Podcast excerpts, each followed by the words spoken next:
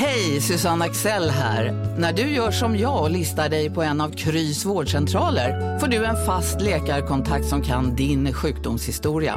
Du får träffa erfarna specialister, tillgång till lättakuten och så kan du chatta med vårdpersonalen. Så gör ditt viktigaste val idag, listar dig hos Kry. Redo för sportlovets bästa deal? Ta med familjen och njut av en Big Mac, McFeast eller Cooper Cheese och Company plus en valfri Happy Meal för bara 100 kronor. Happy Sportlovs deal, bara på McDonalds.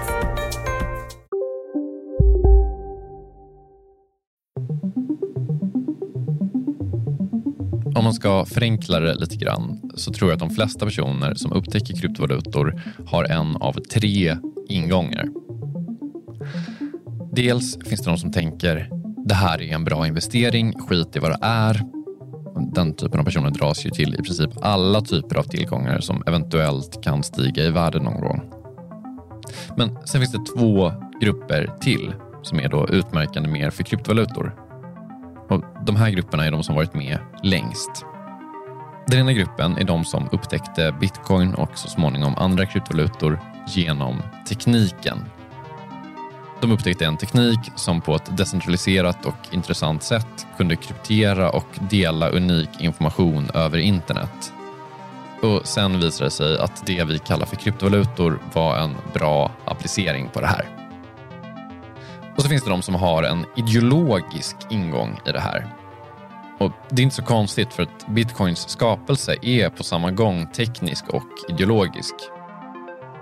I det första bitcoinblocket alltså den första transaktionen som gjordes med bitcoin, fanns en referens till finanskrisen och att staten än en gång bailar ut de stora affärsbankerna. Där gick det lätt att skönja ideologiska rötter och de rötterna har bara växt till en ibland lite svårtolkad kombination av centralbankskritik, fri rörlighet för pengar, en återgång till vad man i den här världen kallar för sunda pengar, alltså pengar utan någon särskild inflation och en tro på anonym spårbarhet. När bitcoin sen växte och andra kryptovalutor växte upp vid dess sida så är det nog okej att säga att det här ideologiska började ta allt mindre plats och det här kan vara en bra investering tog allt mer plats. Men det ideologiska finns samtidigt kvar som ett fundament som hela tiden tolkas, omtolkas och utvecklas och i kombination med de finansiella och tekniska innovationer som gjorts så skapas här någonting som får likna en etik. Det är någonting som också växt fram på den traditionella finansmarknaden där lagar, regler och praxis under decennierna har utvecklats, tänjts på och upplösts innan de återinförts. Kommer krypto att gå samma väg som finansmarknaden? Kan man rent av lära sig någonting om finansmarknadens omdaning genom att studera krypto? Det ska jag prata om idag med Viktor Elliot, doktor i företagsekonomi vid Göteborgs universitet och Joakim Sandberg. Joakim är professor i praktisk filosofi vid Göteborgs universitet och professor i ekonomi och finans ur ett humanistiskt perspektiv vid universitetet i Groningen. Och han är föreståndare för forskargruppen i finansiell etik i Göteborg. Hur ska man förstå allt det här?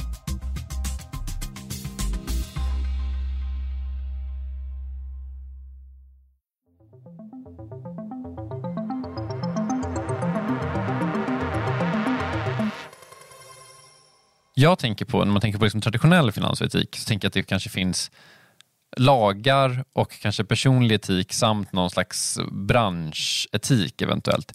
Är, är det här liksom de tre lagren som är applicerbara på, på kryptovärlden också? Ja, det var spännande att du tänker så. Ja, jag tänker mig att det du just beskrev är, är hur vi i samhället tenderar att liksom försöka baka in etik i marknaden. Marknader skiljer sig från andra arenor i vårt liv egentligen utifrån att vi, vi får vara lite friare där. Vi, vi, vi konkurrerar med varandra. Vi, vi strävar efter effektivitet och kanske personlig vinst mer än vad vi gör när vi umgås med, med vänner och familj och sådär. Vi, vi tar inte betalt av, av våra föräldrar när de kommer och sover över. Så. Men det gör vi på marknaden. Vi, vi konkurrerar och vi tänker på oss själva. Men det här behöver bakas in i i några schysthetsregler för att det ska bli bra, för att det inte ska gå amok. Va? Och eh, på vanliga reglerade marknader så har vi sådana strukturer som du nämnde. Framförallt lagar och regler om hur det ska gå, infrastruktur på plats som, som hjälper marknaden att hamna rätt. Och om det inte funkar, mjukare etiska uppfattningar om att det, vi, vi, ska försöka vara schyssta och, och, konkurrera på lika villkor och så. Mm. Och det blir som spä, mest spännande då förstås när en, en helt ny marknad kommer fram, eller en, ja, som skiljer sig på, på olika sätt och som kanske till och med utmanar de där strukturerna då, eller är, är emot dem i viss bemärkelse. Då tvingas vi tänka om. Varför, varför har vi det som vi har det? Eh, och det är spännande. Och, om man liksom då försöker liksom överföra, du, du, du var inne på att det är liksom en oreglerad marknad, mer eller mindre ska väl sägas. Det, det, det finns ju eh, det börjar komma upp liksom regleringar i olika länder och inte minst i EU nu. Då. Men, men är det så att man försöker ta de liksom, traditionella finansetiska ramarna och bara liksom lägga det som ett liksom, raster på kryptovärlden nu? Är det, är det det som man försöker göra? Liksom? Alltså, det jag tycker är spännande är att man, man måste liksom fråga sig varför vi hade dem det där. Eh, man måste liksom, när, när bitcoin-algoritmerna eh, används istället för centralbanker, istället för Riksbanken, då måste vi fråga oss, vänta nu, varför hade vi Riksbanken? Vad, vad, vad fyller den för, för funktion? Mm. Och när vi, tror jag ofta då, när vi tänker igenom det där så inser vi att systemet vi har, det har vi av en anledning. Och därför så kanske när regleringar och etik kommer för bitcoin och andra kryptovalutor så kommer man gå i, i liknande hjulspår. Men kanske inte alltid. Kanske kan vi hitta bättre sätt att eh, organisera marknaden på. Samtidigt får man ju säga att det, det, det, finns ett väldigt intressant möte om man tittar på liksom bitcoins ursprung någonstans i en form av kritik mot den etablerade finansiella miljön och de institutioner vi har och så. Och hela det här begreppet med att bitcoin är decentraliserat. Den idén ligger ju någonstans i den här underliggande kritiken. Så där finns ju också en, en, en spännande konflikt i det etiska rummet kring vad är det man kommer ifrån någonstans? Vad är det man tror på för samhälleliga institutioner eller inte tror på dem? så att säga. Och det vet jag ju att du har ägnat dig en hel del åt att tänka kring. Mm. Ja, vad jag tycker är spännande är att det är lite oklart i dagsläget. Det som är allra spänn mest spännande med, med krypto är kanske att de individer som tror på detta är lite, inte samma kunder som finns i det vanliga finansiella systemet kanske. Utan de, de, de kommer från en annan sida, ser sig ofta som lite rebeller. Men vad är de rebeller mot? Det är lite oklart. Så vad jag i min forskning har försökt göra är att jag tolkar, tolkar den här rörelsen. Då. Och jag menar att man kan tolka det som antingen ett, ett vänsterprojekt eller ett högerprojekt. Kanske mest passform med i alla fall en det liksom vanligaste tugget är att det är mer av ett högerprojekt. Man, man betonar friheten. Vi skapar våra egna pengar. Det här är inga stater ska eh, komma in här och, och, trycka pengar och styra allt och vi behöver inga banker. Och vi, vi gör vårt eget. Det är ett, ett typ av eh, frihetsprojekt som vi då associerar med, med högern. Alltså inte den konservativa högern utan den liberala högern. Just det. Men man skulle också kunna se det som ett vänsterprojekt och då är mer det man rebellerar mot är mer mot finanseliten, då, mot eh, storbankerna som eh, vi måste betala pengar för för att vi ska få använda deras kreditkort och sådär och, och som kontrollerar allting. Kanske, är det, eh, kanske kan man också se det som en, en, en ett uppror mot dem. Men eh, precis, för att eh, bara lite, lite, så kort bakgrund kan man ju säga att eh, det för, liksom, i, inskrivet i det första bitcoin-blocket så fanns det någon slags liksom, kritik mot finanskrisen. Eller vad man ska säga. Samtidigt så är väl alla kritiska mot finanskrisen. Eh, lite som du är inne på, att är, man kan ju vara kritisk mot... Alltså det är väldigt lätt att tänka att finanskrisen, det var inte så bra. Man kan ju ha, ha, ha den liksom approachen från nästan vilket håll som helst, tänker jag. Precis, och vilka man pekar ut som eh, skyldiga till finanskrisen är också en så ganska politiserad fråga. Va? Var det eh, centralbankerna som hade pumpat ut för mycket pengar och haft en för slapp räntepolitik länge och sådär? Eller var det giriga banker som hade tagit för stora risker? Och eh, ja, Man kan se båda sidor även i den diskussionen. Eller för den delen, var det algoritmer som hade gått kom, eh, totalt bananas och börjat hitta på nya vägar att styra de finansiella marknaderna på. Så jag tror ju den här trilemmat mellan liksom människor och politik, finansmarknadens roll och den tekniska innovationen. Det är ju någonting som verkligen liksom ramas in när vi pratar om krypto. Verkligen. Men om man tänker den, för eh, i min uppfattning inom krypto i alla fall, en, en väldigt stor tro till liksom algoritmen, till liksom det, det kodade kontraktet på något sätt. Och att liksom, det är ett försök att nästan algoritmisera etik på något sätt. Jag tycker det, är liksom en intressant del av, av hela den här nya inom citationstecken finansmarknaden, att man liksom lägger tilltron till maskinen på något sätt. Där tycker jag att de flesta bör förhålla sig liksom nyfikna och öppna. Så. Det, det för det är ju möjligt att vi kan algoritmisera vissa, vissa saker i, i, i hur vi beter oss, hur, hur, vi förhåller oss till varandra. Och kanske framförallt inom ekonomi och inom finans då, som, som eh, ja, som handlar om snabba elektroniska eh, transaktioner. Så. Där kan vi säkert snabba upp mycket och, och, därför så tror jag att det finns ju ett bredare intresse för den här tekniken som, som ligger bakom krypto och så. Mm. Men man ska samtidigt vara medveten om att Ja, jag tänker på it-boomen, början av 2000. Att det, det, det, finns ju alltid en risk att man har en övertro. Man tänker nu kan vi lösa allting med den här tekniken. Vi har en algoritm och så behöver vi inga banker och ingen riksbank och, och så. Eh, att det är lätt att, att vara lite naiv i den övertron. Och, och, därför som jag säger att då tvingas vi tänka om igen. Just det, varför behövde vi de här in, in, infrastrukturen och institutionerna? Och kan vi verkligen algoritmisera allt? Kanske mänsklig omdömeskraft som, som ryms i de eh, institutionerna. Mm.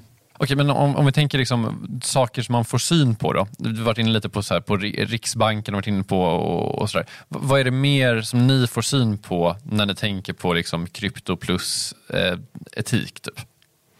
Ja, alltså det, det som åtminstone väcks allra först hos mig det är ju den här liksom, någonstans dikotomin eller mötet mellan brottslingar som utnyttjar det här ekosystemet för att eh, bedriva illegal verksamhet eller flytta pengar från olika eh, ställen och kanske till och med tvätta pengar. Då. Så där finns ju en enorm etisk dilemma som många, även eh, traditionella institutioner som Finansinspektionen i Sverige eller Europeiska centralbanken måste förhålla sig till och där man försöker synliggöra och i viss utsträckning också reglera hur man får använda de här mekanismerna. Å andra sidan det här frihetsidealet om att det är ingen utifrån som ska ha insyn i hur jag använder mina pengar.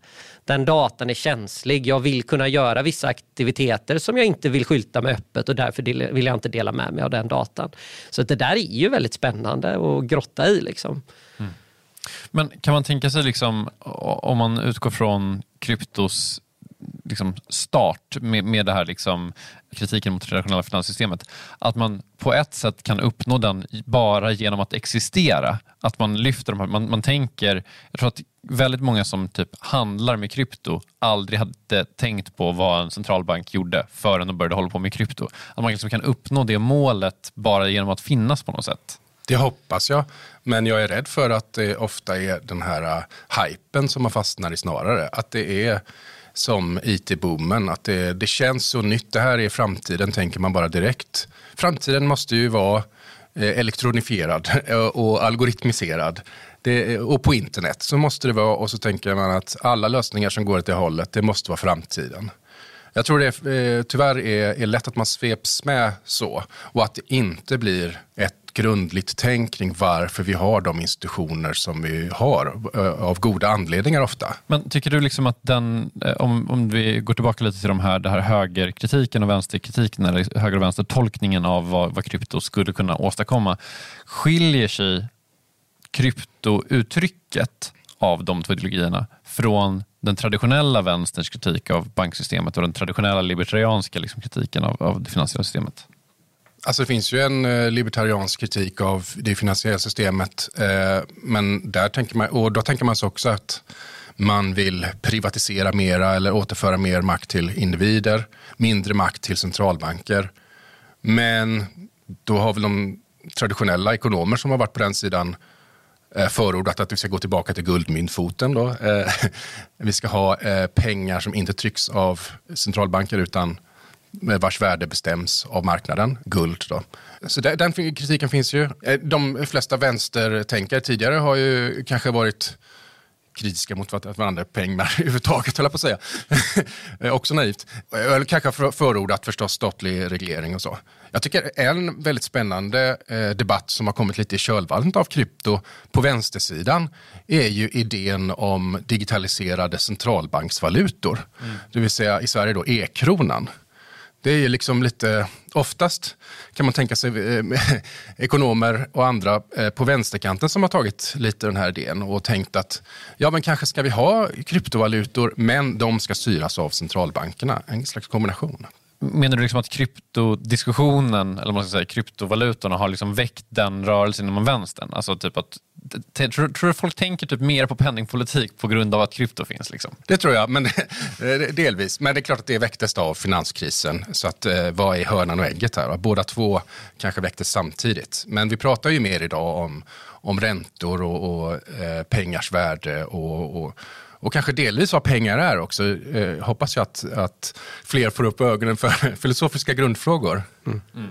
Jag, jag, jag, tycker det finns tre eh, liksom, dimensioner som, som har kommit upp här som är väldigt intressanta. Alltså, den första eh, är ju lite grann det här, liksom, de här ideologiska dimensionerna som finns i kryptoargumentationen. De kommer lite från alla möjliga håll och kanter. Och där hänvisar man också till ganska så strikta libertarianer och strikta vänsterteoretiker och så blandar man detta och så förvränger man kanske lite grundidén i deras tänk. Så att, liksom, att navigera genom den här djungeln när man väl, som du är inne på, liksom, att när man väl börjar intressera sig för det här området, vi har ju kallat det för att, eh, liksom, för att använda en krypto eh, liknelse, att man faller ner i, i det svarta hålet i Alice i Underlandet. Liksom. Mm. Och lite grann så är det ju, att veta vad som egentligen är en, en korrekt hänvisning och en mindre korrekt hänvisning när man börjar läsa olika förespråkare för krypto och deras inlägg på social media till exempel. Det är ju synnerligen utmanande. Men får jag opponera mig lite grann mot det här med att eh, det kommer Alltså jag håller med om att man kan ha olika tolkningar av, av kryptos eventuella användningsområde. Men det är väl ändå hyfsat oomstritt att det ändå primärt skulle jag säga är en libertariansk rörelse, eller är jag ute och cyklar här? Jag är helt med på att man, det finns vänstertolkningar av, krypto, alltså av den grundläggande kritiken som är inbakad i krypto. Men bar, jag tänker typ att bara det faktum att det det används för av 99% av alla som använder det är att typ spekulera och tjäna pengar gör att det är ganska svårt tycker jag, att trycka in det i ett vänsternarrativ. Ja, och därför får man ju titta mer på dem som, de som startade eller de som är såna här maximalister eller de som är liksom ideologiska. Eh, och, och, som du säger så är det nog en, en mindre skara egentligen.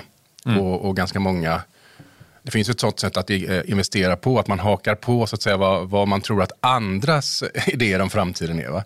Själv har man inte, inte riktigt någon idé om det här kommer flyga eller, eller inte. Men det verkar som att alla andra tror att det flyger, så då hakar man på. Mm. Men, förlåt, du sa att du hade tre spår här som du ville prata om. Och det ena var det här ideologiska grund... Eh, grund vad var de andra två? Om vi går till, den andra dimensionen var, om vi går tillbaka till finanskrisen så kan man väl också säga, i någon bemärkelse i alla fall, att eh, de etiska ramarna kring det traditionella finansiella systemet har också påverkats väldigt mycket av finanskrisen och även av den eh, institutionella omformning, alltså de nya regler som idag omgärdar Eh, det traditionella finansiella systemet. Så att precis som du är inne på innan, jag, jag tror ju verkligen att eh, det är svårt att, att, separera de här två processerna från varandra utan finansbranschen idag tror jag står för väldigt mycket mer än vad finansbranschen stod för för 15 år sedan. Där det i första hand handlade om att tjäna pengar. Nu handlar det om att ge uttryck för till exempel hur vi tjänar pengar på ett hållbart sätt och hur vi gör det med hänsyn i första hand tagen till kunden och individen. Men, men upplever du, liksom, för att det är en sån sak som jag har tänkt på, liksom skillnaden vad gäller liksom krypto och traditionell finans, att krypto har den här liksom ideologiska grunden som också har typ ett mål någonstans.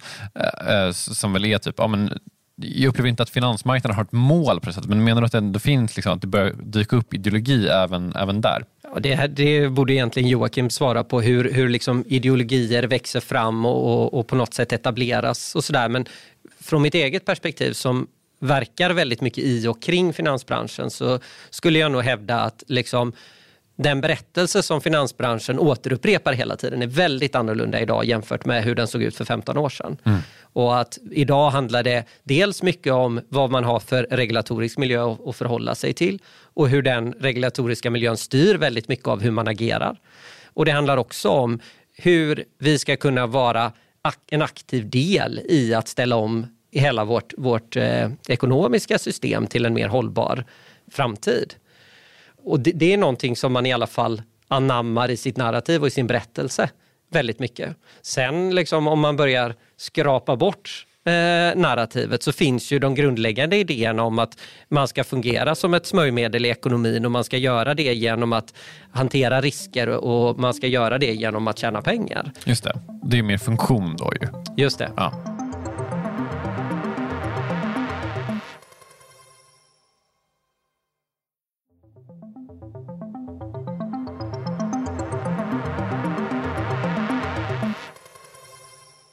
Jättemånga av de traditionella finansiella funktionerna försöker ta, eller har kryptovärlden försökt typ anamma. Men de har gjort det med det typ uttalade målet att ersätta identiska traditionella finansiella produkter. Och typ jag undrar om det typ gör någonting med hur man ser på sig själva, hur man ser på typ så här, liksom funktionen av det man utför. Typ så här, att driva en börs är typ ett ideologiskt projekt medan det kanske inte är ett lika tydligt ideologiskt projekt att driva en, en vanlig börs, liksom en riktig börs. Det är lite det jag liksom mm. famnar efter här. Det finns ju ett, eh, ett sätt att tänka på det som kanske i och för sig går är lite stick i stäv med det som Viktor pratat om här. Då. Men eh, att eh, många kritiska samhällsvetare tycker att vi har gått igenom eh, årtionden av finansialisering där liksom mer och mer av ekonomi har fokuserats på att skapa vinst för aktieägarna. Och den utvecklingen har väl mångt och mycket drivits på av finansmarknaden. Kanske framförallt avregleringen av finansmarknaden har gjort att Eh, Eh, det är hos bankerna som pengarna finns och det är genom att skapa aktieägarvärde som företagen kan, kan, kan få ut de här och individer kan få ut de här pengarna. Så att mm, finansmarknaden har varit en väldigt drivande kraft för omdaning av samhället mot finansialisering. Mm.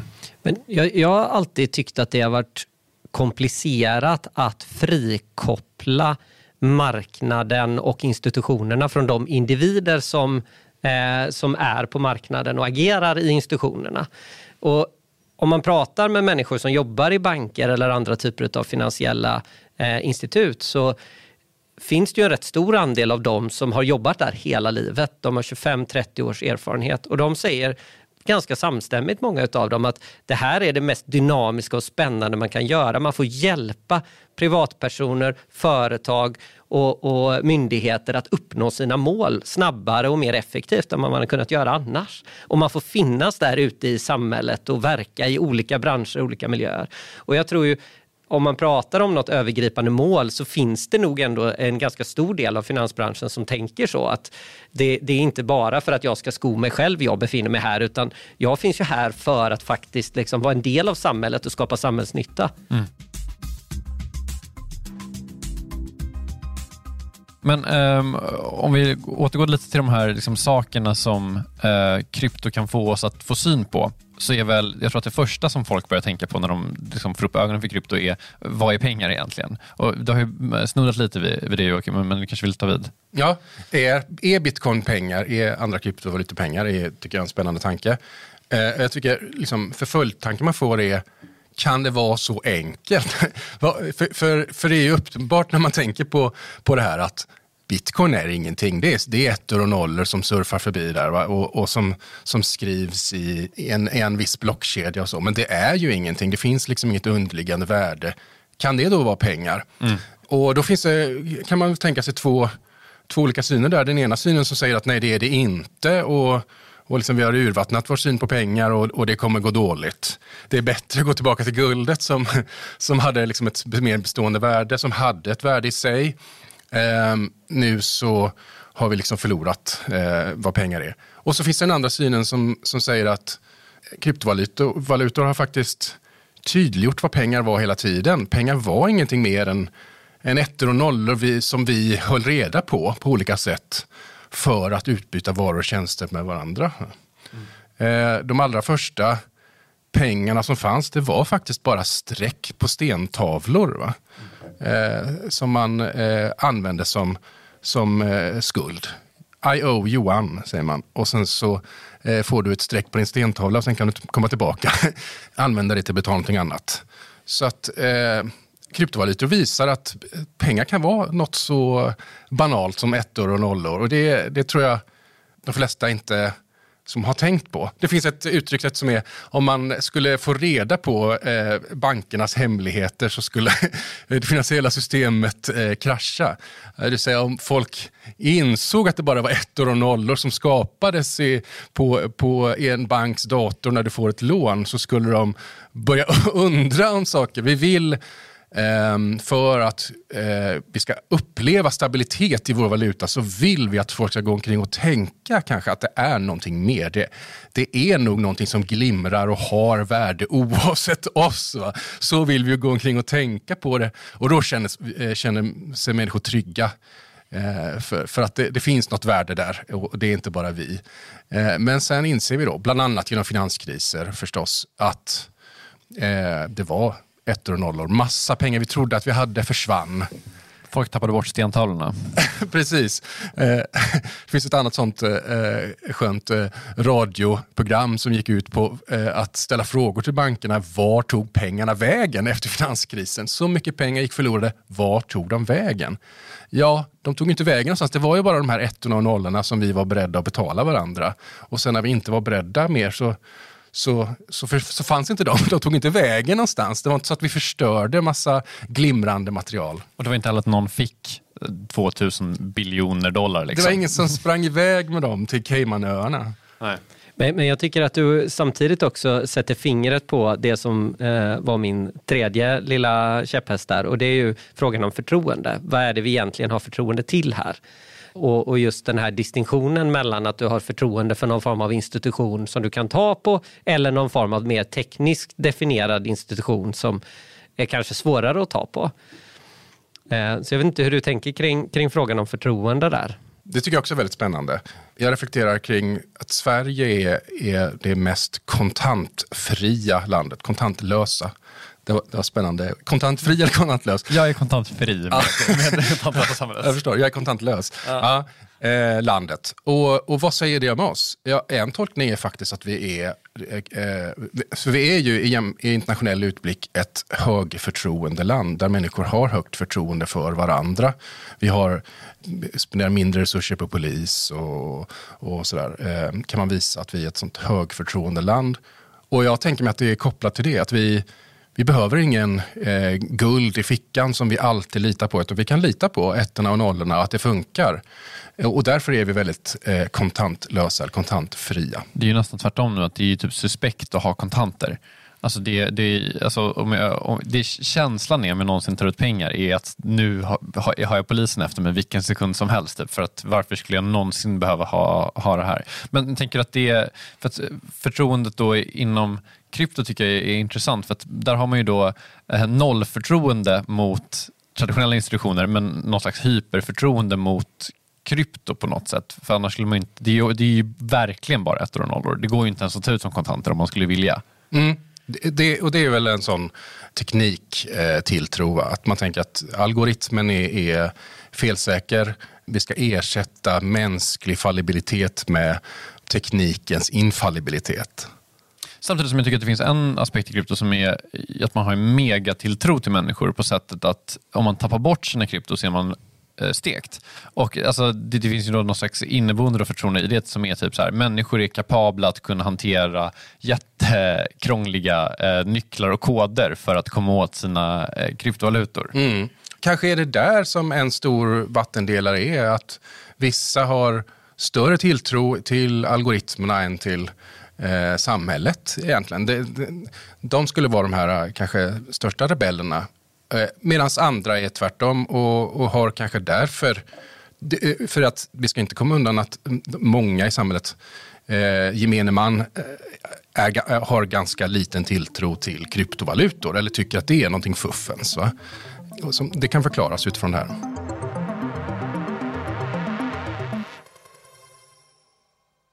Om vi ska avsluta lite grann då, genom att och, och blicka framåt. Vad tänker vi kommer hända här? Liksom, för det, det är ju ja, som, som ni varit inne på, det finns saker man får syn på genom att kolla på krypto. Det finns saker som man får syn på i krypto genom att kolla på vanliga värden också. Men kommer de här sakerna närma sig varandra rent etiskt eller, man ska säga, eller, eller tror du det kommer vara liksom de här två parallella spåren? Min spaning, och jag kan ha helt fel förstås eh, eh, om framtiden. Det skulle jag, mest troligt att jag har helt fel. Men min, min, eh, min, spaning är att, att eh, i, i länder som Sverige och andra västländer där institutionerna ibland fallerar men är eh, överlag ganska robusta eh, och ger oss välfärd och andra saker som vi vill ha så kommer vi över, över tid upptäcka att de var ganska bra från början. Det är min spaning. Men kanske kan de ge oss någon utveckling. Däremot så, så tänker jag att i andra länder där systemet inte fungerar lika bra så kommer det vara ett större upptag av sån här alternativ teknik. Håller du med om den, den framtidsvisionen? Jo, men det gör jag. Jag, jag tror att eh, eh det ligger väldigt mycket i det. Och Samtidigt då som man kan mycket väl tänka sig att vi därför också riskerar kanske i västvärlden när vi har de här väletablerade institutionerna som är välfungerande i någon bemärkelse, kanske hämma utvecklingen lite grann. Därför att vi vill institutionalisera krypto in i våra existerande institutioner. Vi vill föra in dem, vi vill sätta ramar och regelverk kring dem. Och det är klart att det är inte alltid till godo när det gäller att få den här snabba tekniska utvecklingen eller innovationskraften i, i eh, en teknik. Så att det finns säkert eh, en balansgång där som, som kan bli spännande kopplat till det. Men är det inte alltid så bara att en ny teknik liksom, alltså, jagas alltid av juridik på något sätt? Jo, men så är det ju. Det, och det är ju det man nästan alltid beskriver att, att eh, liksom, juridiken kommer efter och skapar lagarna och då hinner tekniken utveckla något nytt sätt att komma runt och lagarna. Nu får vi vara med i detta genom att stå här och, och tänka om vilka normer som krävs. Precis. Ja. Tusen tack för att ni har tänkt, eh, Joakim och, och Viktor. Tack, tack så mycket. mycket.